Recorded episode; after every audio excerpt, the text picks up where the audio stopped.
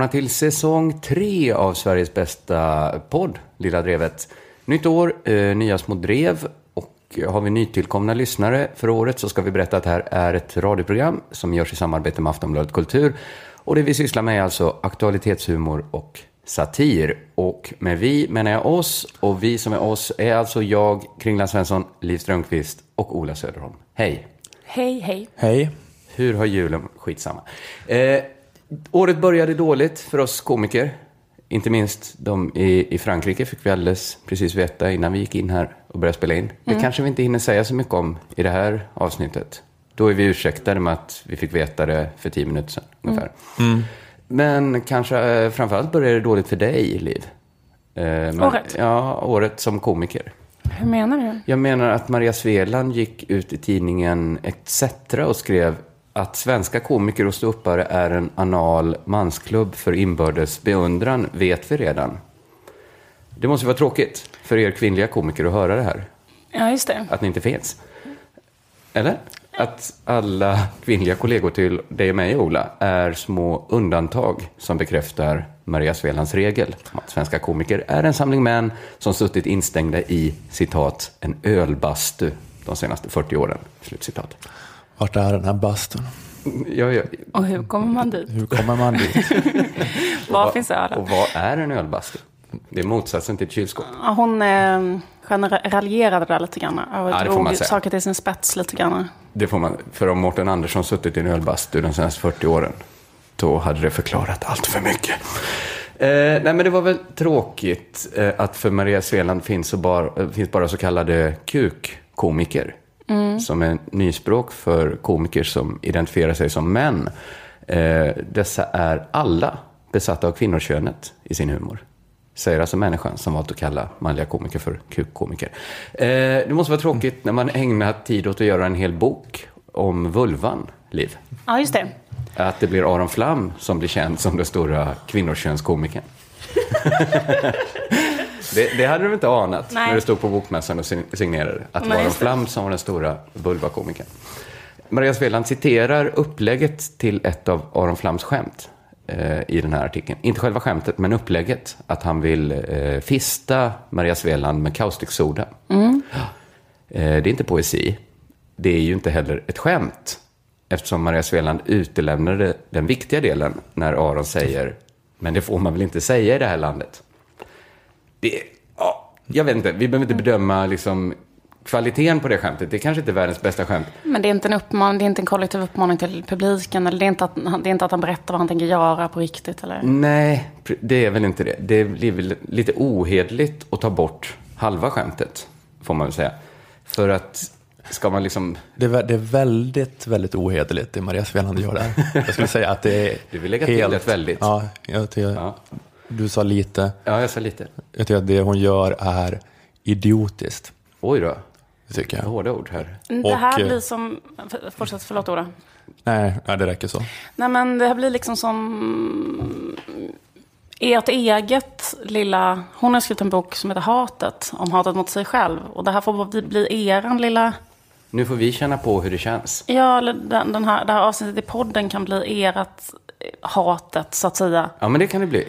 Eh, där vi... Där ni får reagera mot... Ja, men ni blev ju utsatta eh, som kollektivt manliga komiker. Ja, men det får man väl ändå eh, säga. Att ni var alla eh, vidriga, sjuka i huvudet. Sexister, homofober och rasister. Ja, just det. är ju I min bok är det ganska allvarliga anklagelser. Ja. Det- Känner det- du, dig, du känner dig arg? På riktigt märkte jag faktiskt när jag... När jag kallar henne pissluder i Ja, vår ja, ja, privata, i vår- i vår privata korrespondens. Ja, men då var jag lite arg faktiskt. Då var du arg kände jag. Och jag gillade det kring För jag tyckte att det fanns en äkthet som kom fram där hos dig. Ja. Eh, som, som jag tycker är Som bra. man sällan ser kanske. Som man sällan ser. Han hade en kärna Ändå. som Maria Sveland kunde locka en, fram. En liten stenhård knytnäve av ilska riktad mot Maria Jag Sveland. kände att jag hade en helt jävla oironisk känsla för en gångs skull kring den. Jag blev så glad att se det. Du blev så, du blev så blottad där. För du var Precis. så Man- jävla man kan visa genuint mig- arg. Bilden när Isis bär stora fruktfat med, med människohuvuden och det rör mig inte ryggen. Men en krönika av Maria Sveland, det, det sätter igång saker i mig. Nej, men det, det var ju såklart att Arons skämt var ju såklart på Maria Svelands sida. Ja. Eller hur? Det är det som gör det väldigt, väldigt ohederligt då i, i Olas bok. Ja, han raljerar över själva fenomenet att säga varför får inte jag säga det här? Precis. Liksom. Mm. Flera har gjort det innan Aron, men det här var ju draget till sin spets, får man säga.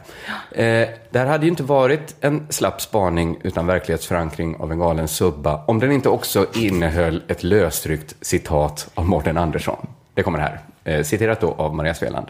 Manliga komiker går upp på scen som komiker, medan kvinnliga komiker går upp som kvinnor. Det har Mårten sagt då. Ja, jag reagerade också över användningen av det här citatet. Jag ska säga att det är inte ofta jag tar Mårten Andersson i försvar. Men när Mårten visar att han läst i alla fall inledningen till det andra könet, då vill jag ta honom i försvar. Jag vet inte om Maria Sveland är bekant med Simone de Beauvoir, eh, men det Mårten menar är ju det Beauvoir, det, det, det är svårt att säga, det de Beauvoir skriver om kvinnan som det andra. En manlig komiker är kodad som komiker, en kvinnlig komiker blir något annat. En kvinnlig komiker, eh, det är ju något man måste förhålla sig till. Man kan inte bli arg på Mårten Andersson för Det, att det är så. det är inte att han, eller han, han säger ju det, ja, exakt, förlåt att jag bara säger om det.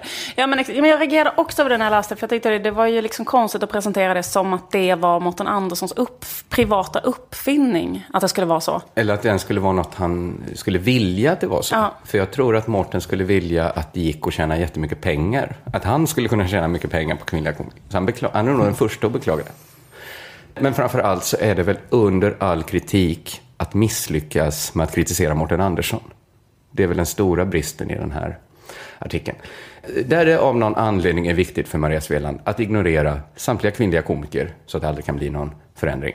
Eh, Jag tycker ju att vi måste försöka föreställa oss att en annan värld är möjlig än där Maria Svelands föräldrar aldrig träffades. Nu kör vi igång. Årets första drev. Whoop, whoop! Jag fattar inte.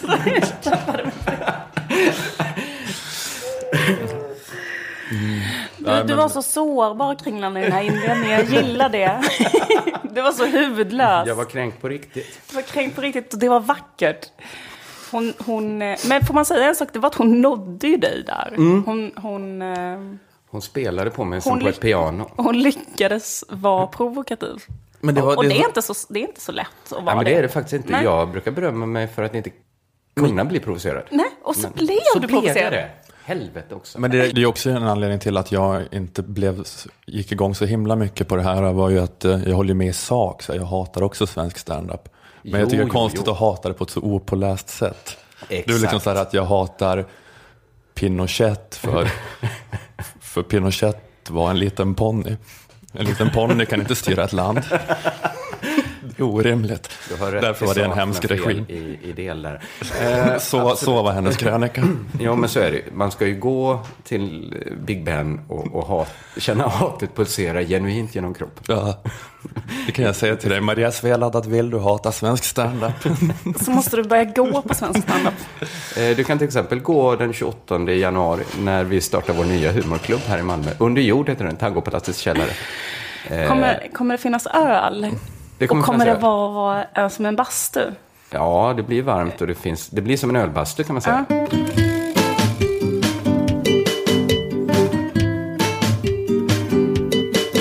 Ja, en sak som har hänt nu medan vi varit borta är ju att eh, nyvalet har ställts in.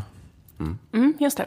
Partiledarna för de borgerliga och de rödgröna presenterade det här beslutet att avblåsa nyvalet på en presskonferens den 27 december. Beslutet av de eh, samtalen det är en blocköverskridande överenskommelse som vi kallar för decemberöverenskommelsen. Jag tycker att man är lite för ivrig att skriva in sig i historieböckerna om man själv döper det till decemberöverenskommelsen. Det slog mig precis nu när jag hörde det. Ja. Att det fanns något som man kände historiens vingslag. Det kände jag också direkt när jag hörde det. är så jävla pretentiöst också. Decemberöverenskommelsen. Eh, man hade kunnat heta något lite mer. Alltså det, det har någon sån här Warszawapakten över sig. Att det här ska vi lära våra barn i framtiden. Och det är ju finare om någon annan myntar det, framför allt. Ja, Det, är ju liksom, det känns lite ängsligt. Att man ska liksom våga ha det självförtroendet att det här är en historisk händelse ändå. Alltså Olof Palme sa inte nu ska jag säga något som jag har valt att kalla jultalet. Utan han bara sa det. Han då så jämställde USA, USAs bombningar med folkmord. Han trodde så pass mycket på materialet. Just det. Att det var så pass starkt att någon annan kommer sköta mytologiserandet av det. Eller hur? Studenterna i Paris 68 trodde på historiska sprängkraften i att ockupera universiteten. Så pass mycket att de inte själva döpte det till majrevolten. De samlade till en presskonferens och sa så här, vi har gjort en grej som vi vill kalla majrevolten. 68 våren. Janne Olsson och Clark Olofsson kallade inte till en presskonferens där de sa att nu ska vi presentera en gisslansituation som vi har valt att kalla Norrmalmstorgsdramat. Vi ska ge vår gisslan Stockholmssyndromet. En Det vi- sak som vi har valt att kalla. För Clark är så snygg. Vi kommer utsätta Kristin Enmark för Clarks. Vi har vapen Farliga sexighet. där, de där ögonen. Precis. Den här cocktailen utav Clarks bad boy sexighet och vapnen kommer eh, skapa ett psykologiskt fenomen som vi har valt att kalla Stockholmssyndromet. Nej, de lät någon annan mynta det, eller hur? Det är som att stirra in i tre revolvermynningar. Clarks ögon och en revolver. Som Peter Birro skulle ha sagt. Det tycker jag är en av de, bra, en av de få bra replikerna i Viva hit. Men vet du vad det är en replik från också? Intervjun i Skavlan. Jag vet, Han det sa var- det som privatpersonen Peter Birro. Och det var så starkt. Då kände jag hela den här podden ska prata om mäns sårbarhet. Det var så... Nej men, jo, men jag tyckte det var faktiskt väldigt bra. Det var det enda bra replik. Jo, det fanns en till bra replik. Skit i det. Vi ska Vi ska Vi återkomma återkomma till det. vi återkommer till Mm. Viva Ja, vad härligt. Ja, men jag tycker det här med att mynta det själv, att det är lite grann som det här med stadsslogans och alkoholfri öl. Vad är grejen med både stadsslogans stadsslogan. och eh, alkoholfri? Ja, men eh, att, att stadsslogans är det här att det är sådär eh, underbara Malmö, eller, och att alkoholfri öl heter fan. Ja, Just det. Men det är inte så att det är bättre att någon annan säger det. Att det kanske är dags att du tar en alkoholfri öl. Ja, men det är ett tecken på dåligt självförtroende hos en öl att behöva heta fan. Ja, det är sant. Mm. Om det står på etiketten att det här är roligt, då tänker man direkt att det kanske inte är så roligt. För att om det måste stå på en skylt att en stad är rolig, misstänker man att den är inte så rolig. Man tänker att de riktigt roliga städerna har självförtroendet att inte behöva basunera ut sin rolighet, för att de har en så självklar rolighet. Och så på samma vis tappar man då lite förtroendet för decemberöverenskommelsen som historisk händelse, för man tänker att, att de verkligt historiska händelserna inte behöver döpas till historisk händelse. Just det. De bara är det. Det är ju lite sådär diktaturfasoner, tänker jag. Att, att, själv ta kontrollen över ett det. torg döper man till Himmelska fridens torg. Innan det vart sådär supermycket. Det kanske är inte, men det är inte den värsta diktaturfasonen. Men visst, jag är dig. det. är, liksom, det är något som kan hända i en diktatur. Men kanske inte det värsta som kan hända i en diktatur. Men jag tänker när de byggde, byggde en mur runt Berlin, kommunisterna, då kallar ju de den antifascistisk skyddsvall. Men då är det som inte att vi bara ställde upp på det. Nej, just Då det. börjar vi kalla den muren istället. Vi kanske måste göra samma med decemberöverenskommelsen Jag tycker nu. att decemberöverenskommelsen skulle passa till att heta en antifascistisk skyddsvall.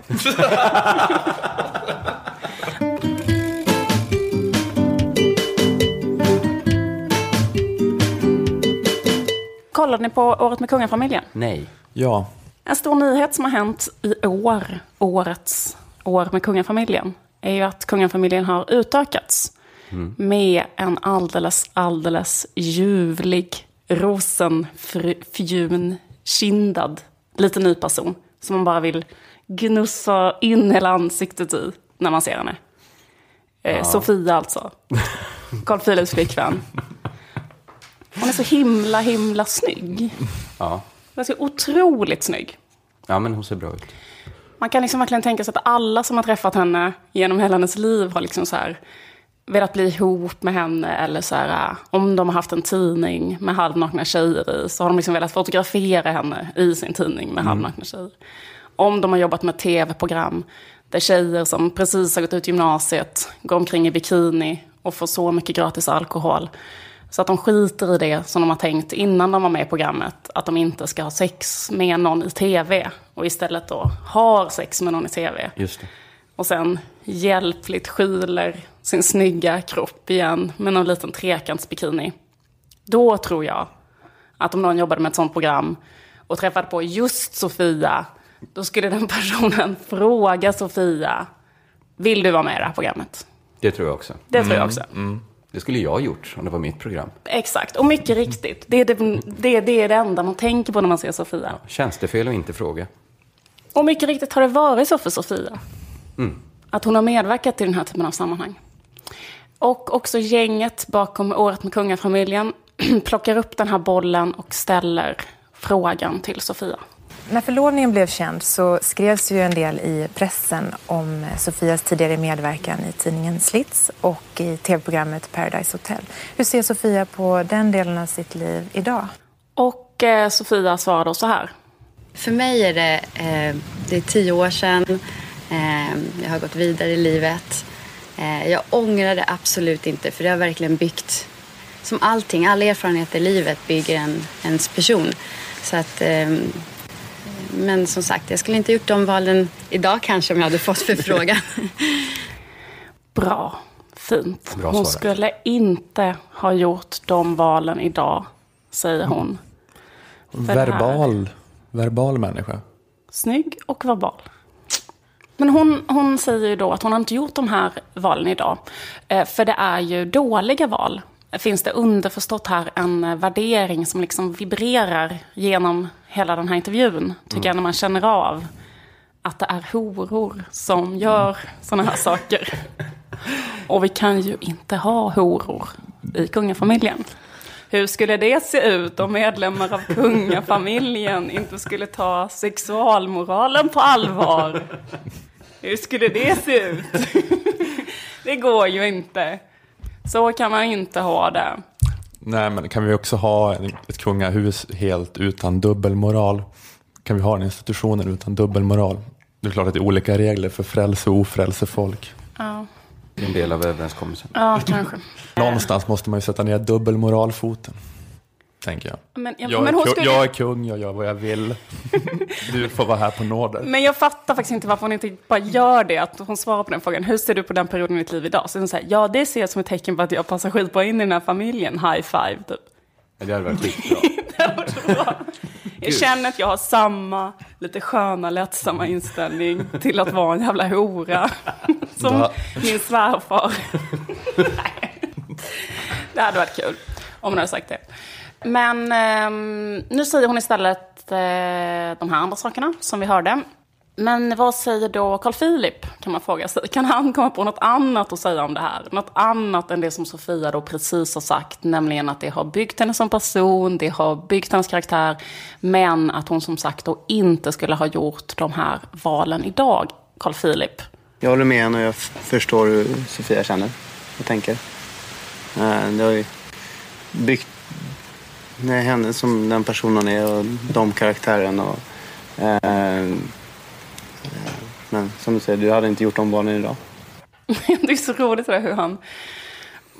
Vi kommer att tänka på sådana, ni vet så här, när barn, när man har liksom en lång rad barn och frågar det första barnet så här, bara, vilket är ditt favoritdjur? Så säger det första barnet så här, typ lejon. Och så frågar man nästa och då bara det, säger det barnet så här, lejon. Så säger alla barnen lejon liksom för att de tror att det liksom är rätt svar. Får sån känsla här att, att hon säger exakt en sak och sen bara kommer Anna bara, det, det har byggt hennes karaktär. Men hon, jag försöker säga att man tror det är det rätta. Det lät så himla bra när hon sa det. Men det är väldigt olyckligt det här beslutet med kvinnlig tronföljd, att det tilläts. Om vi ska få valuta för apanagepengarna, att ha, få ha Carl Philip som, Ja, som ja. statschef. Att han är roligare menar du? Att han är roligare, absolut. Eh, men det var inte egentligen det jag tänkte eh, dröja kvar vid. Men jag tycker det var intressant liksom att Carl Philip då understryker eller befäster ytterligare igen den här grejen att hon skulle inte gjort de här valen idag. Att man då liksom eh, befäster den här verklighetsbeskrivningen då som vibrerar in genom hela samtalet. Nämligen att ansvaret för den eh, sexistiska kultur som finns i samhället, för vi kan väl ändå kalla till exempel tidningen Slits för liksom ett uttryck för sexistisk kultur. Eller som säger så här, fenomenet att det finns unga, drivna entreprenörer som ser en möjlighet att göra ekonomisk profit på unga kvinnors kroppar. Att liksom ansvaret för det ligger då hos de kvinnor som har gjort valet att medverka i den typen av eh, kult kulturyttringar, ska man säga. Just det. Jag menar att det finns många andra sätt att problematisera den här typen av sexistisk kultur eh, än att det skulle vara att man skulle på trakassera Sofia så här tio år senare om hennes livsval att medverka i den här, den här eh, typen av, eller den epoken kan man säga, som var då att eh, slits eh, fanns i Sverige.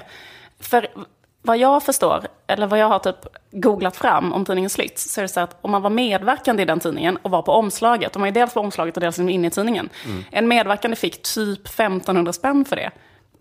F-skatt. Och då är det väldigt konstigt att istället för att ha liksom någon slags hunt-down på så gamla medverkande och tvinga dem att be om ursäkt för sina då livsval. Då hade man kunnat ställa en massa andra frågor gällande den här typen av, av grej. Till exempel, hur ser liksom Bingo Rimér idag på det faktum att han har lagt grundplåten till liksom hela sin privata förmögenhet? Att han har betalat hela sin bostadsrätt på Östermalm kontant med pengar eh, som kommer från de här bilderna där då olika 18-åriga arbetarklasstjejer från svenska småstäder har klätt av sig eh, sina kläder för väldigt lite pengar. Bilder som sen finns kvar då för alltid och påverkar de här kvinnornas liv negativt i decennier. Ef- decennier efter decennier efter att de har slösat upp den här tusenlappen som de fick av Bingo Rimér och kunde köpa tre eh, halvfula toppar från Gina Tricot. Varför är det så att liksom Kanal 5s vd just nu eh, badar i de annonspengar som han tjänar på att olika paja bloggerskor med en självskadehistorik visar brösten i tv och skapar liksom helt oöverblickbara konsekvenser för de här unga, eh, sårbara människorna som liksom har noll möjlighet att påverka hur det här materialet framställs. Är jag moralistisk nu? Det är ju bara sant. Då, det, det är, liksom, är, det en rimlig, är det rimligt att hålla på... Det här måste ju ändå sägas vara den objektiva sanningen. Ja, ja, Det är ändå liksom- Det är möjligt att du är moralistisk, men, men det är ju inte du som börjat infört moral i det. Ja, men det är konstigt att liksom...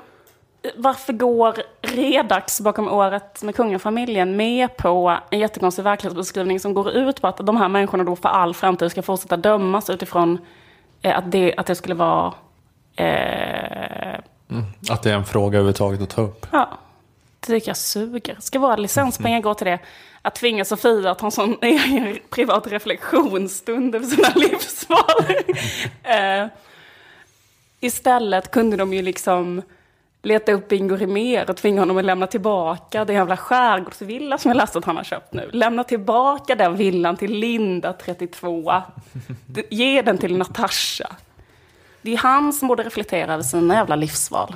Ja, men personligen så är man ju så glad att inte ens egna livsval från när man var i sena tonåren, att de inte kan hoppa upp och bita en lika mycket. För att det är ju inte så här unikt att göra något man ångrar tio år senare, när man är i slutet av tonåren. Eller? Har jag, eller jag som gjorde det? Det är tur att du inte hade såsen i en kropp. Precis. Det var det vart min smala lycka genom livet. Men, eh, jo, men jag tycker också en ganska sjuk grej är att hennes medverkan, för jag råkar liksom tillhöra de som såg eh, den eh, säsongen hon var med av Paradise Hotel. Och hon var så jävla, jävla, jävla timid och tråkig, rent ut sagt. Fruktansvärt. Hon gjorde ingenting, kan man säga. Man kan säga att hon var som Evelina minus passiv aggressivitet, typ. Evelina i Paradise Hotel från årets säsong. Det är en annan Paradise.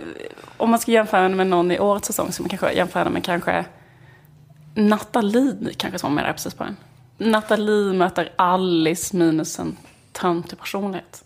Hon hade inte ens, fast inget att De invända hade mot vad lika hon gärna gjorde. kunnat skicka in Åsa Domeij i det huset. Men hon, hon var så nära kungafamiljen, besöker Skövde kommunhus som man kan vara i Paradise Hotel. Ja, alltså man får ju nästan misstanken av att de har uppfostrat Sofia i hemlighet i Dalarna för att hon ska bli Carl Philips fru. Och sen hennes sista eldprov är att hon ska vara med i hela Paradise Hotel och inte vara full och inte ligga någon och inte säga en enda sjuk sak. Och så passerade den det testet och mycket riktigt fem år senare så hämtade hovmarskalken henne och tog hem henne till Carl Philip och då kunde de gifta sig. Att det var så hela... Sån Dalai Lama Att det var en Dalai Lama-historia och att liksom den här Paradise Hotel-grejen bara var hennes liksom slutprov. Men grattis då får vi säga att hon genomförde testet med sån bravur.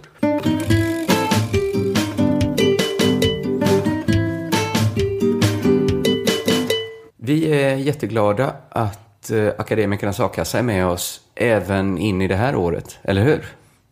För det betyder ju att verkligen. vi kan lägga lite kvalitetstid på att göra den här podden.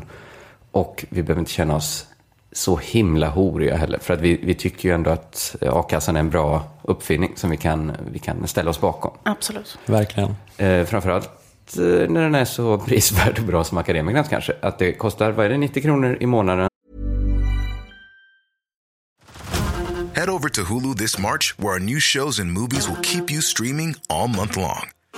Catch the award winning movie Poor Things, starring Emma Stone, Mark Ruffalo, and Willem Dafoe. Check out the new documentary, Freaknik The Wildest Party Never Told, about the iconic Atlanta Street Party. And don't miss FX's Shogun, a reimagining of the epic tale, starring Anna Sawai.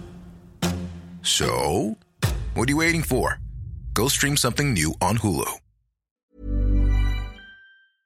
Och då kan man få ut eh, minst 15 000. Eller upp till 15 000. Precis. Det kanske kommer förändras, det vet vi ju inte. Det är ju rörigt med decemberöverenskommelsen. Ja, det är väl eh, budget, gamla, eller borgarnas budget gäller i år. Men jag antar att det blir en a-kassehöjning när de får lägga sin egen budget. För Men- det har de ju lovat.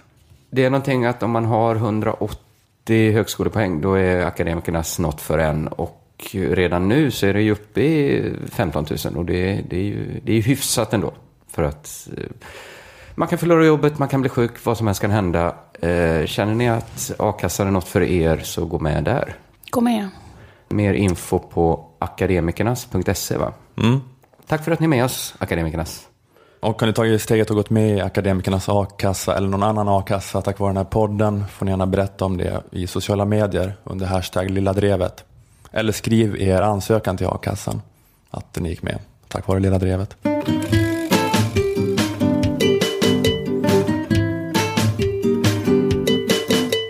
Eh, Jag skulle vilja dröja kvar lite vid Maria Svelands artikel i ETC. Vi hann bara med två tredjedelar ungefär. Den är ju känd numera från det här avsnittet av Lilla Drevet.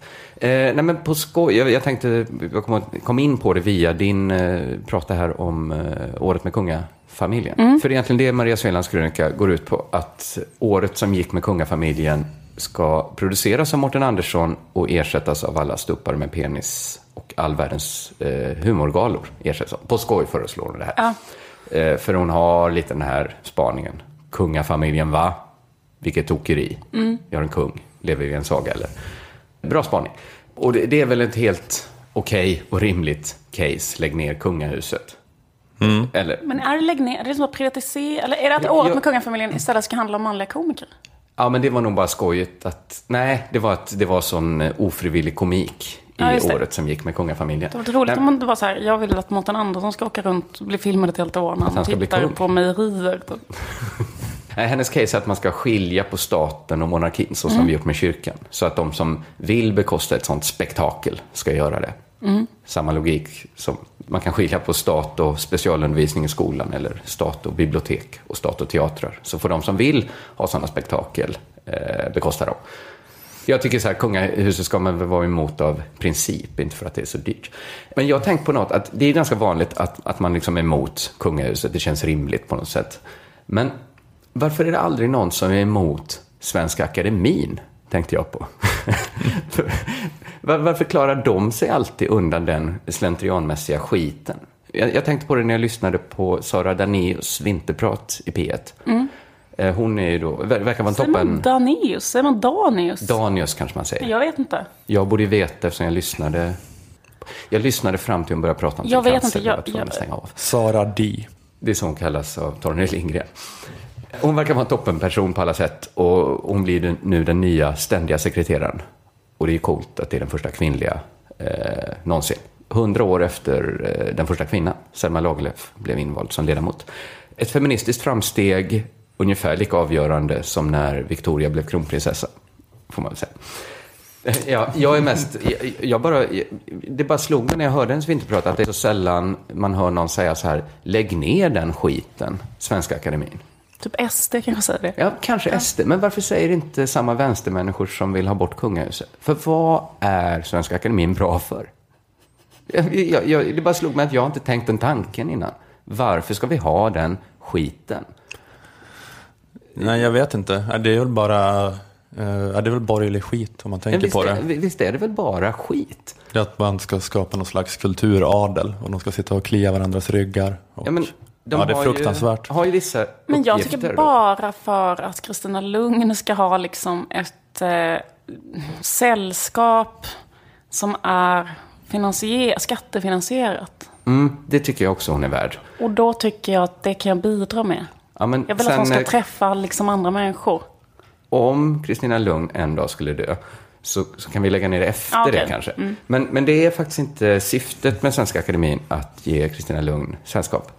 Utan eh, de har ett uppdrag. Som, jag blev på riktigt lite nyfiken på det här, så jag själv inte tänkt tanken.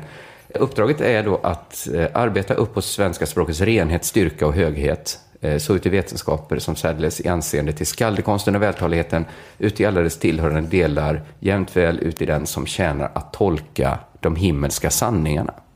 Och det är det här, de himmelska sanningarna som Svenska Akademien måste förhålla sig till, som gör att man inte behöver ställa samma krav på politisk medvetenhet, representation och liknande, eftersom de jobbar med himmelska sanningar. Eh, och då får samtiden stå tillbaks. Så därför är det ju mer eller mindre ursäktat i talet om Svenska Akademin att de mellan andra världskriget och fram till 1991 gav en kvinna Nobelpriset i litteratur. Eh, så här i efterhand kanske vi tycker att de misslyckades med att tolka de himmelska sanningarna. Att det var kanske fler kvinnor som var förtjänta av det här priset.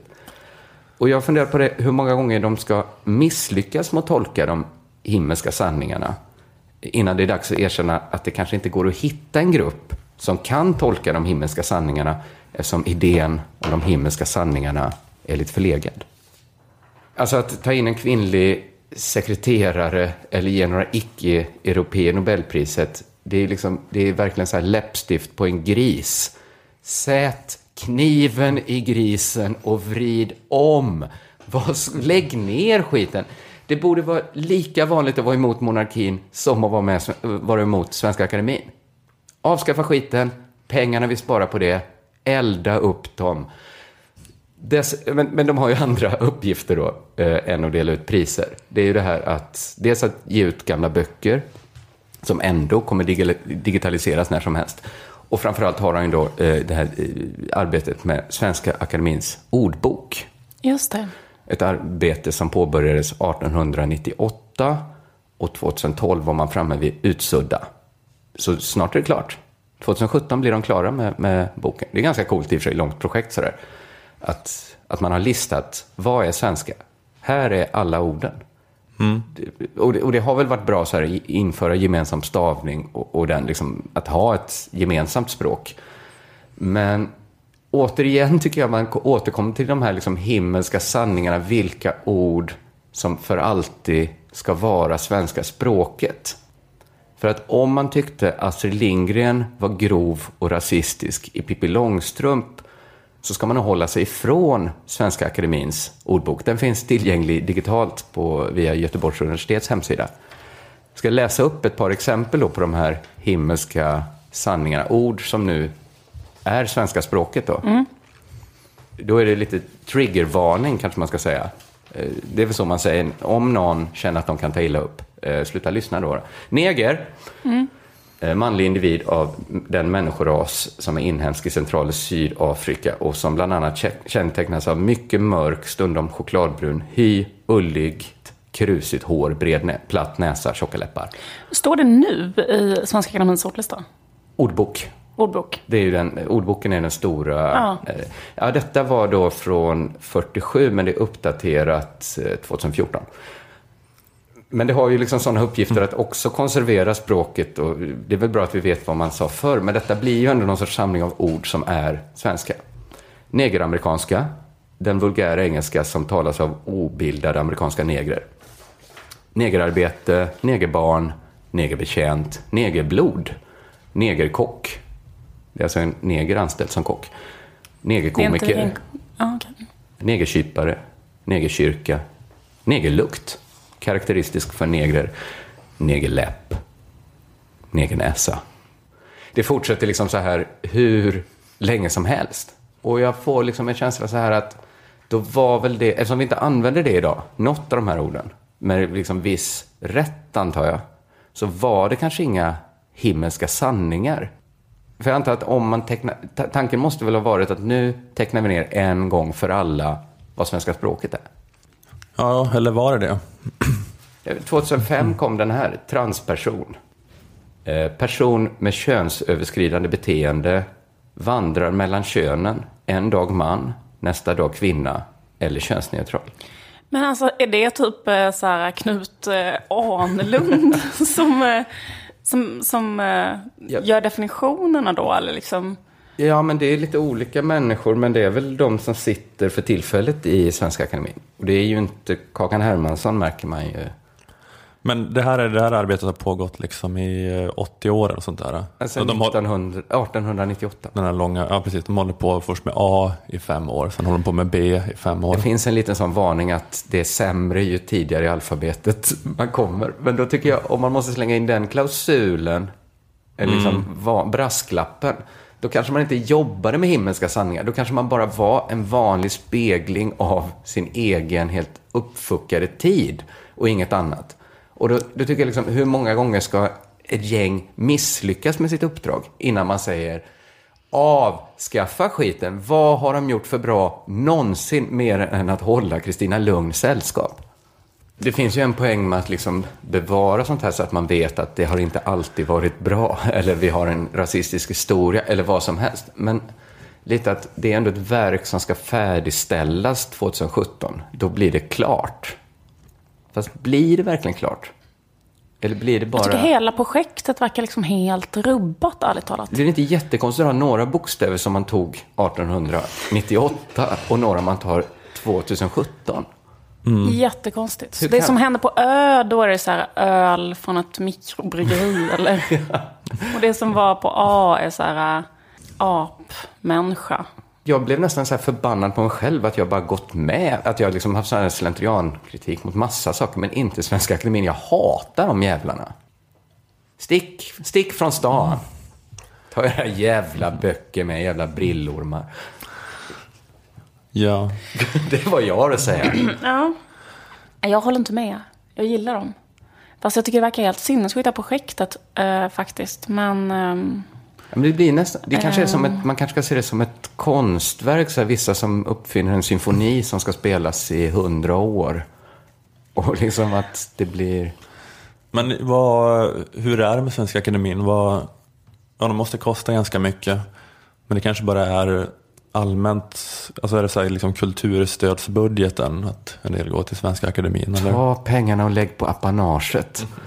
Det är vad jag har att säga. Om Svenska Akademin börjar visa upp lite gulliga bebisar, kan de få fortsätta finnas då? Det är väl det att... Nej, jag säger inte ens det om Tony Lindgrens utlösningar. Det håller jag mig för god för. Att det skulle komma ett moln av damm när han ejakulerade säger jag icke i den här podden.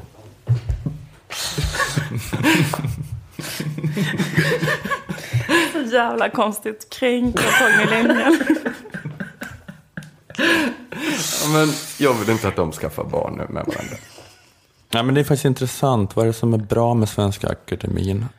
Ja, vad är det som är bra med Svenska Akademin? Men de kommer ju på vem som ska få Nobelpriset. Eller du, du tycker att det Jag tycker inte de har gjort ett jättejobb där. Eller tycker du det? Vad är det som är, vad, är det som, du vad är, det som är det? bra med Nobelpriset? Ja, men ja, då kan vi vara så här, vad är meningen med att leva? Ja, det- där håller jag med. Liksom. Men jag menar- De nej, gör men- det, liksom, var, varför finns Tycker inte liksom du Volvo? eh, Typ. kritiken som riktats mot vilka som fått det har varit... För att vara ärlig så är jag så jävla trött på den typen av kritik. Det är typ en apa kan göra den kritiken. Hitta på en annan slags kritik i Kringlan. Men svara för... Kritisera Bingo Rimérs verksamhet. man Där har ni verkshöjd. som är dåliga på, på, skarp, Är du emot- skarp ny spaning. Mot nazism, hitta på. Kom med något nytt. Nej, Hellre men, en spännande förintelseförnekare än en som bara kör fast i gamla spår. Ja, precis. Ja, Visst vad, är vad är meningen med att leva? Men det är svårt att komma på något bra. Men det kanske är det då. Man får, det kanske är bra. Det kanske är bortom gott och ont som livet självt. Ja, det- man, det- man kan inte fråga sig så, vad är nyttan med Svenska Akademin? För då, då ställer man frågan, vad, vad, vad är meningen med att leva?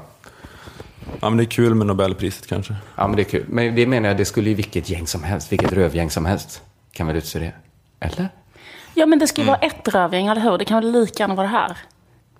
Ja, det kan det väl då. Okej, vi behöver ett gott rövgäng. Det får väl vara konklusionen. Men också, men varför tycker man att det är kul med Nobelpriset? Alltså jag tycker inte att det här är så jättekul, men... men eh, Nej, inte jag heller.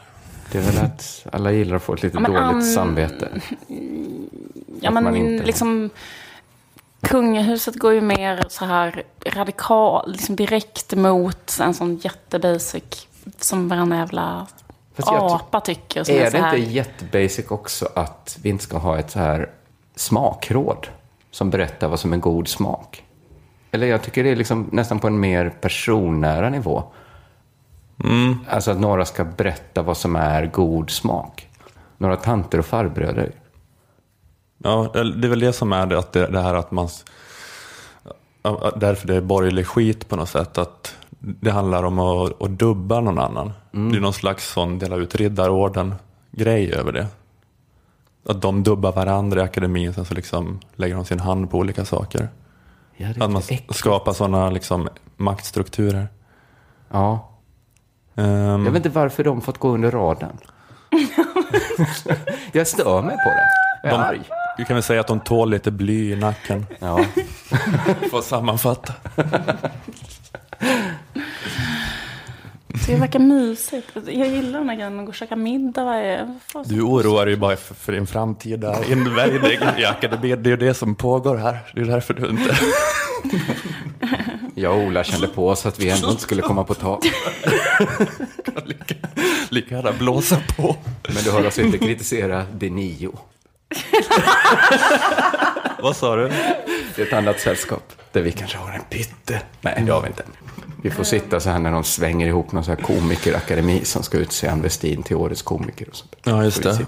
Alltså, Eller Karamoliodiktstipendiatet. Kanske. Det är ett bra pris. Bra pris. Jag hatar karamell och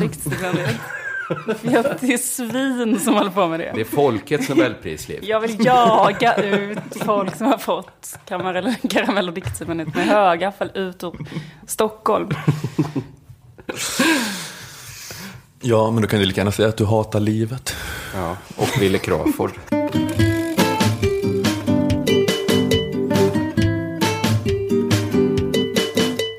Jag har sett Peter Birro-serien Viva Hate under jullovet. Jag med. Jag med. Det är då en eh, dramaserie i tre delar.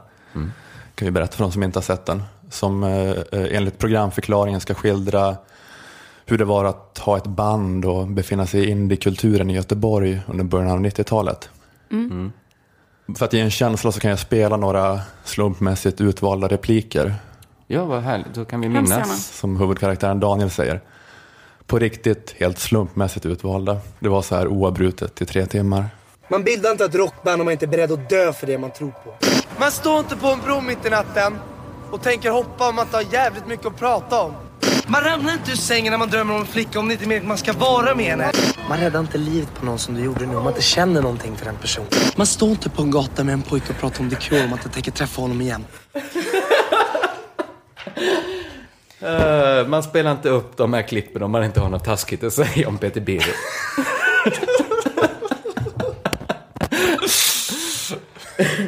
Um, ja, väldigt eh, överspelande och så här over the top melodramatiskt var det ju hela tiden. Jag har läst att vissa som har försvarat den här serien har sagt att det är fånigt att hålla på och klaga på det här. Att, att dialogen känns som att vara instängd i en förvirrad 13-årig pojkhjärna. Det är lite, lite att dialogen är inte ens gymnasial. Nej. Nej, det är mera liksom 13-åring som, som gråtrunkar till Dia Salma eh, stämningen. Men att det är fånigt att klaga på det. För det är inte som att det är meningen att det ska vara realistiskt. Utan det är så ett medvetet grepp. Alltså det här är liksom Peter Birros magiska realism. Jag spelar ett rockband. Viva Hate. Vi håller på med en ny låt. Skjut som älskar heter han. Fattar ni inte? Vi, vi kommer bli större än The Clash. Mer älskar än Morrissey. Och tyngre än ACDC. Jag är stenhårt lesbisk, okej? Okej. Jag hatar män. Hur fan kan du sjunga så lågt att du köper porr? Om ett år så kommer vi vara förband åt Thåström. Nej, nej. Om ett år, då kommer Thåström vara förbannad åt oss. Ja, men det kanske stämmer att det fanns en sån medvetandegrad. Jag vet inte, men det är hur som helst ändå. Eller, Jag ska vara rak här, det är ändå inte riktigt min grej. Nej. Nej, nej. Även om det, Det var... får stå för dig. Eller det får vara din smak. Även om det är Personliga med... smak. Ja, jag fattar att det var medvetet att, att varje replik skulle vara så överspänd att man får känslan av att alla skådespelare har fått regianvisningen Paolo Roberto. Tänk Paolo Roberto, skrik alla repliker med uppspärrade ögon. Helt utan timing med manerat allvar. För, för det är magisk realism. Men det är inte din kopp te, men, Nej. men, men andras. Precis. I för sig, apropå det här med Paolo tänkte jag att det stämmer ju på sätt och vis att vi var hate, att det var en hyllning till 90-talet. Alltså inte till hur det var på 90-talet, men till hur film var på 90-talet. Ja, framförallt Bullens brevfilm, va? Ja, precis. Så Bullens brevfilm, Stockholmsnatt, Sökarna, Jönssonligan. Någon slags hybrid utav det. Ja, det var det som var liksom det mest, nästan det handlade mer om än just den här indiekulturen. Så var det ju liksom 50% var ju så här en Jönssonligan parallell Kriminal- historia. Eller inte ens Just det. parallell utan nästan dubbel. Det var den typen mycket av om det. skurk. Mm. Så just det parodisk eh, Göteborgs gangsterhistoria. Som, ja, precis, men det var någon sån 90-talskrimbuskis fast Morrissey spelas hela tiden. Ehm, precis, men det är ju ett medvetet grepp så det är inte liksom något hantverk som brister här då tydligen, har jag förstått nu. Nej, jag läser är- recensionerna, men det var inte min grej ändå. Det är en genre du inte gillar helt enkelt. för att det här medvetna greppet att alla karaktärer ska vara så osköna. Att det, det, det, är så, det är oortodoxt och det är för att jag är konservativ. Så att jag vill ha en hjälte i mina berättelser som man kan heja på. Jag kan inte hantera då det här mer nyskapande, eller om man ska säga, att, att göra en historia, historia där, där alla karaktärer har mindre likability än Riddar Kato. För att jag, Hatade du Daniel så mycket? ja, jätte, jättemycket. Du hatar honom så jävla ärligt på något sätt. Ja, men det är den enda inom svensk kultur tidigare som haft så här onyanserat, övertydligt ondskefulla karaktärer är Astrid Lindgren. Men Birro har sådana karaktärer, men han låter dem leva och låter dem så här vinna och bli liksom lyckliga på slutet. Ja, det tror jag nästan inte var tanken att du skulle känna så för det här bandet. Jag tror inte det. Nej, nej. För jag tänkte att Det det var en djävulens advokat. jag tänkte att det var väldigt modigt att stryka så mycket mothårs. För att det var ju det som höll mig kvar tror jag genom hela serien, att jag hoppades att de skulle dö. För att det är så att karaktärerna hotar hela tiden med att hoppa från Älvsborgsbron. Vänta, hoppa inte! Alla med hjärta i kroppen har väl någon gång stått vid Älvsborgsbron och funderat Du, på Daniel, lova mig att du aldrig någonsin hoppar från Älvsborgsbron. Lova mig det! Klipp till, hon går själv och ställer sig och vill hoppa från Älvsborgsbron. Känna att hon har levt. Ja, men det var alltså en ständig tease att de hela tiden var på väg att hoppa men aldrig gjorde det. Man fick aldrig den förlösningen. Att se de här onda, onda karaktärerna få det de förtjänar. Du har inget hjärta i kroppen, Ola. Ja. Men, eh, men sen så tänkte jag att jag insåg att det här kanske, det handlar nog bara om att jag är ignorant som sagt. Att jag bara inte fattar. Mm, Bra att ha den självinsikten. Mm, det tror jag är jätteviktigt. För vem är det som, vem är det som pratar så här, tänker jag. Man står inte på en gata med en pojke och pratar om The Cure om att jag tänker träffa honom igen. Alltså det fattar inte jag. Men det är inte meningen att jag ska fatta. Alltså det är på samma vis som jag inte fattar samenyheterna. Det är ett annat språk. Ja, för det, det är den enda rimliga förklaringen till att Viva Hate sändes på SVT. Det är att Birro ska ha fått status som minoritetsspråk. För det, det är för konstigt att man ska göra så nischad tv annars. Alltså göra något som bara är begripligt för Peter och Marcus Birro. Om det inte berodde på att det handlar om ett så public service-ansvar.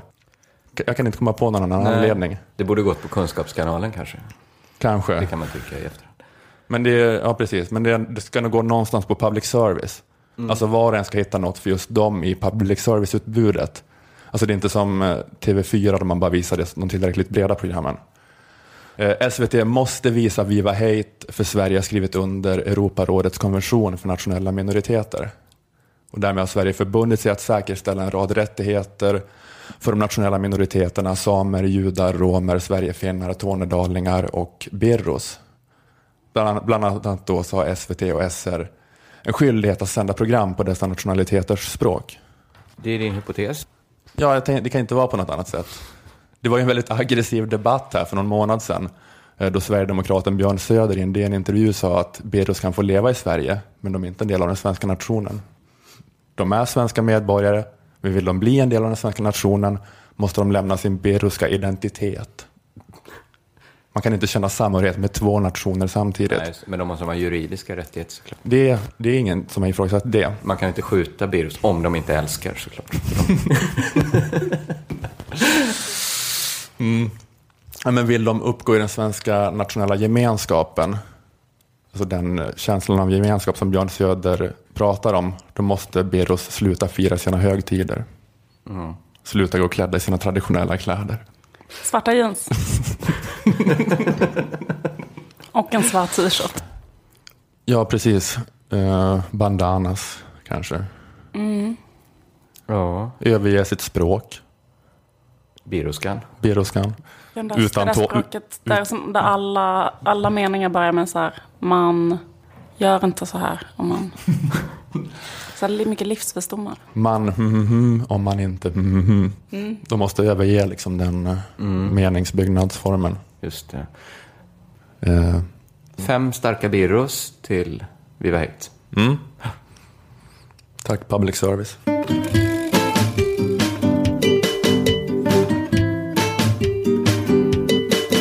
Tack för att ni lyssnade. Tack till eh, Aftonbladet Kultur som är med oss och gör det här. Och tack till Akademikernas A-kassa som gör det möjligt, helt Mm. enkelt.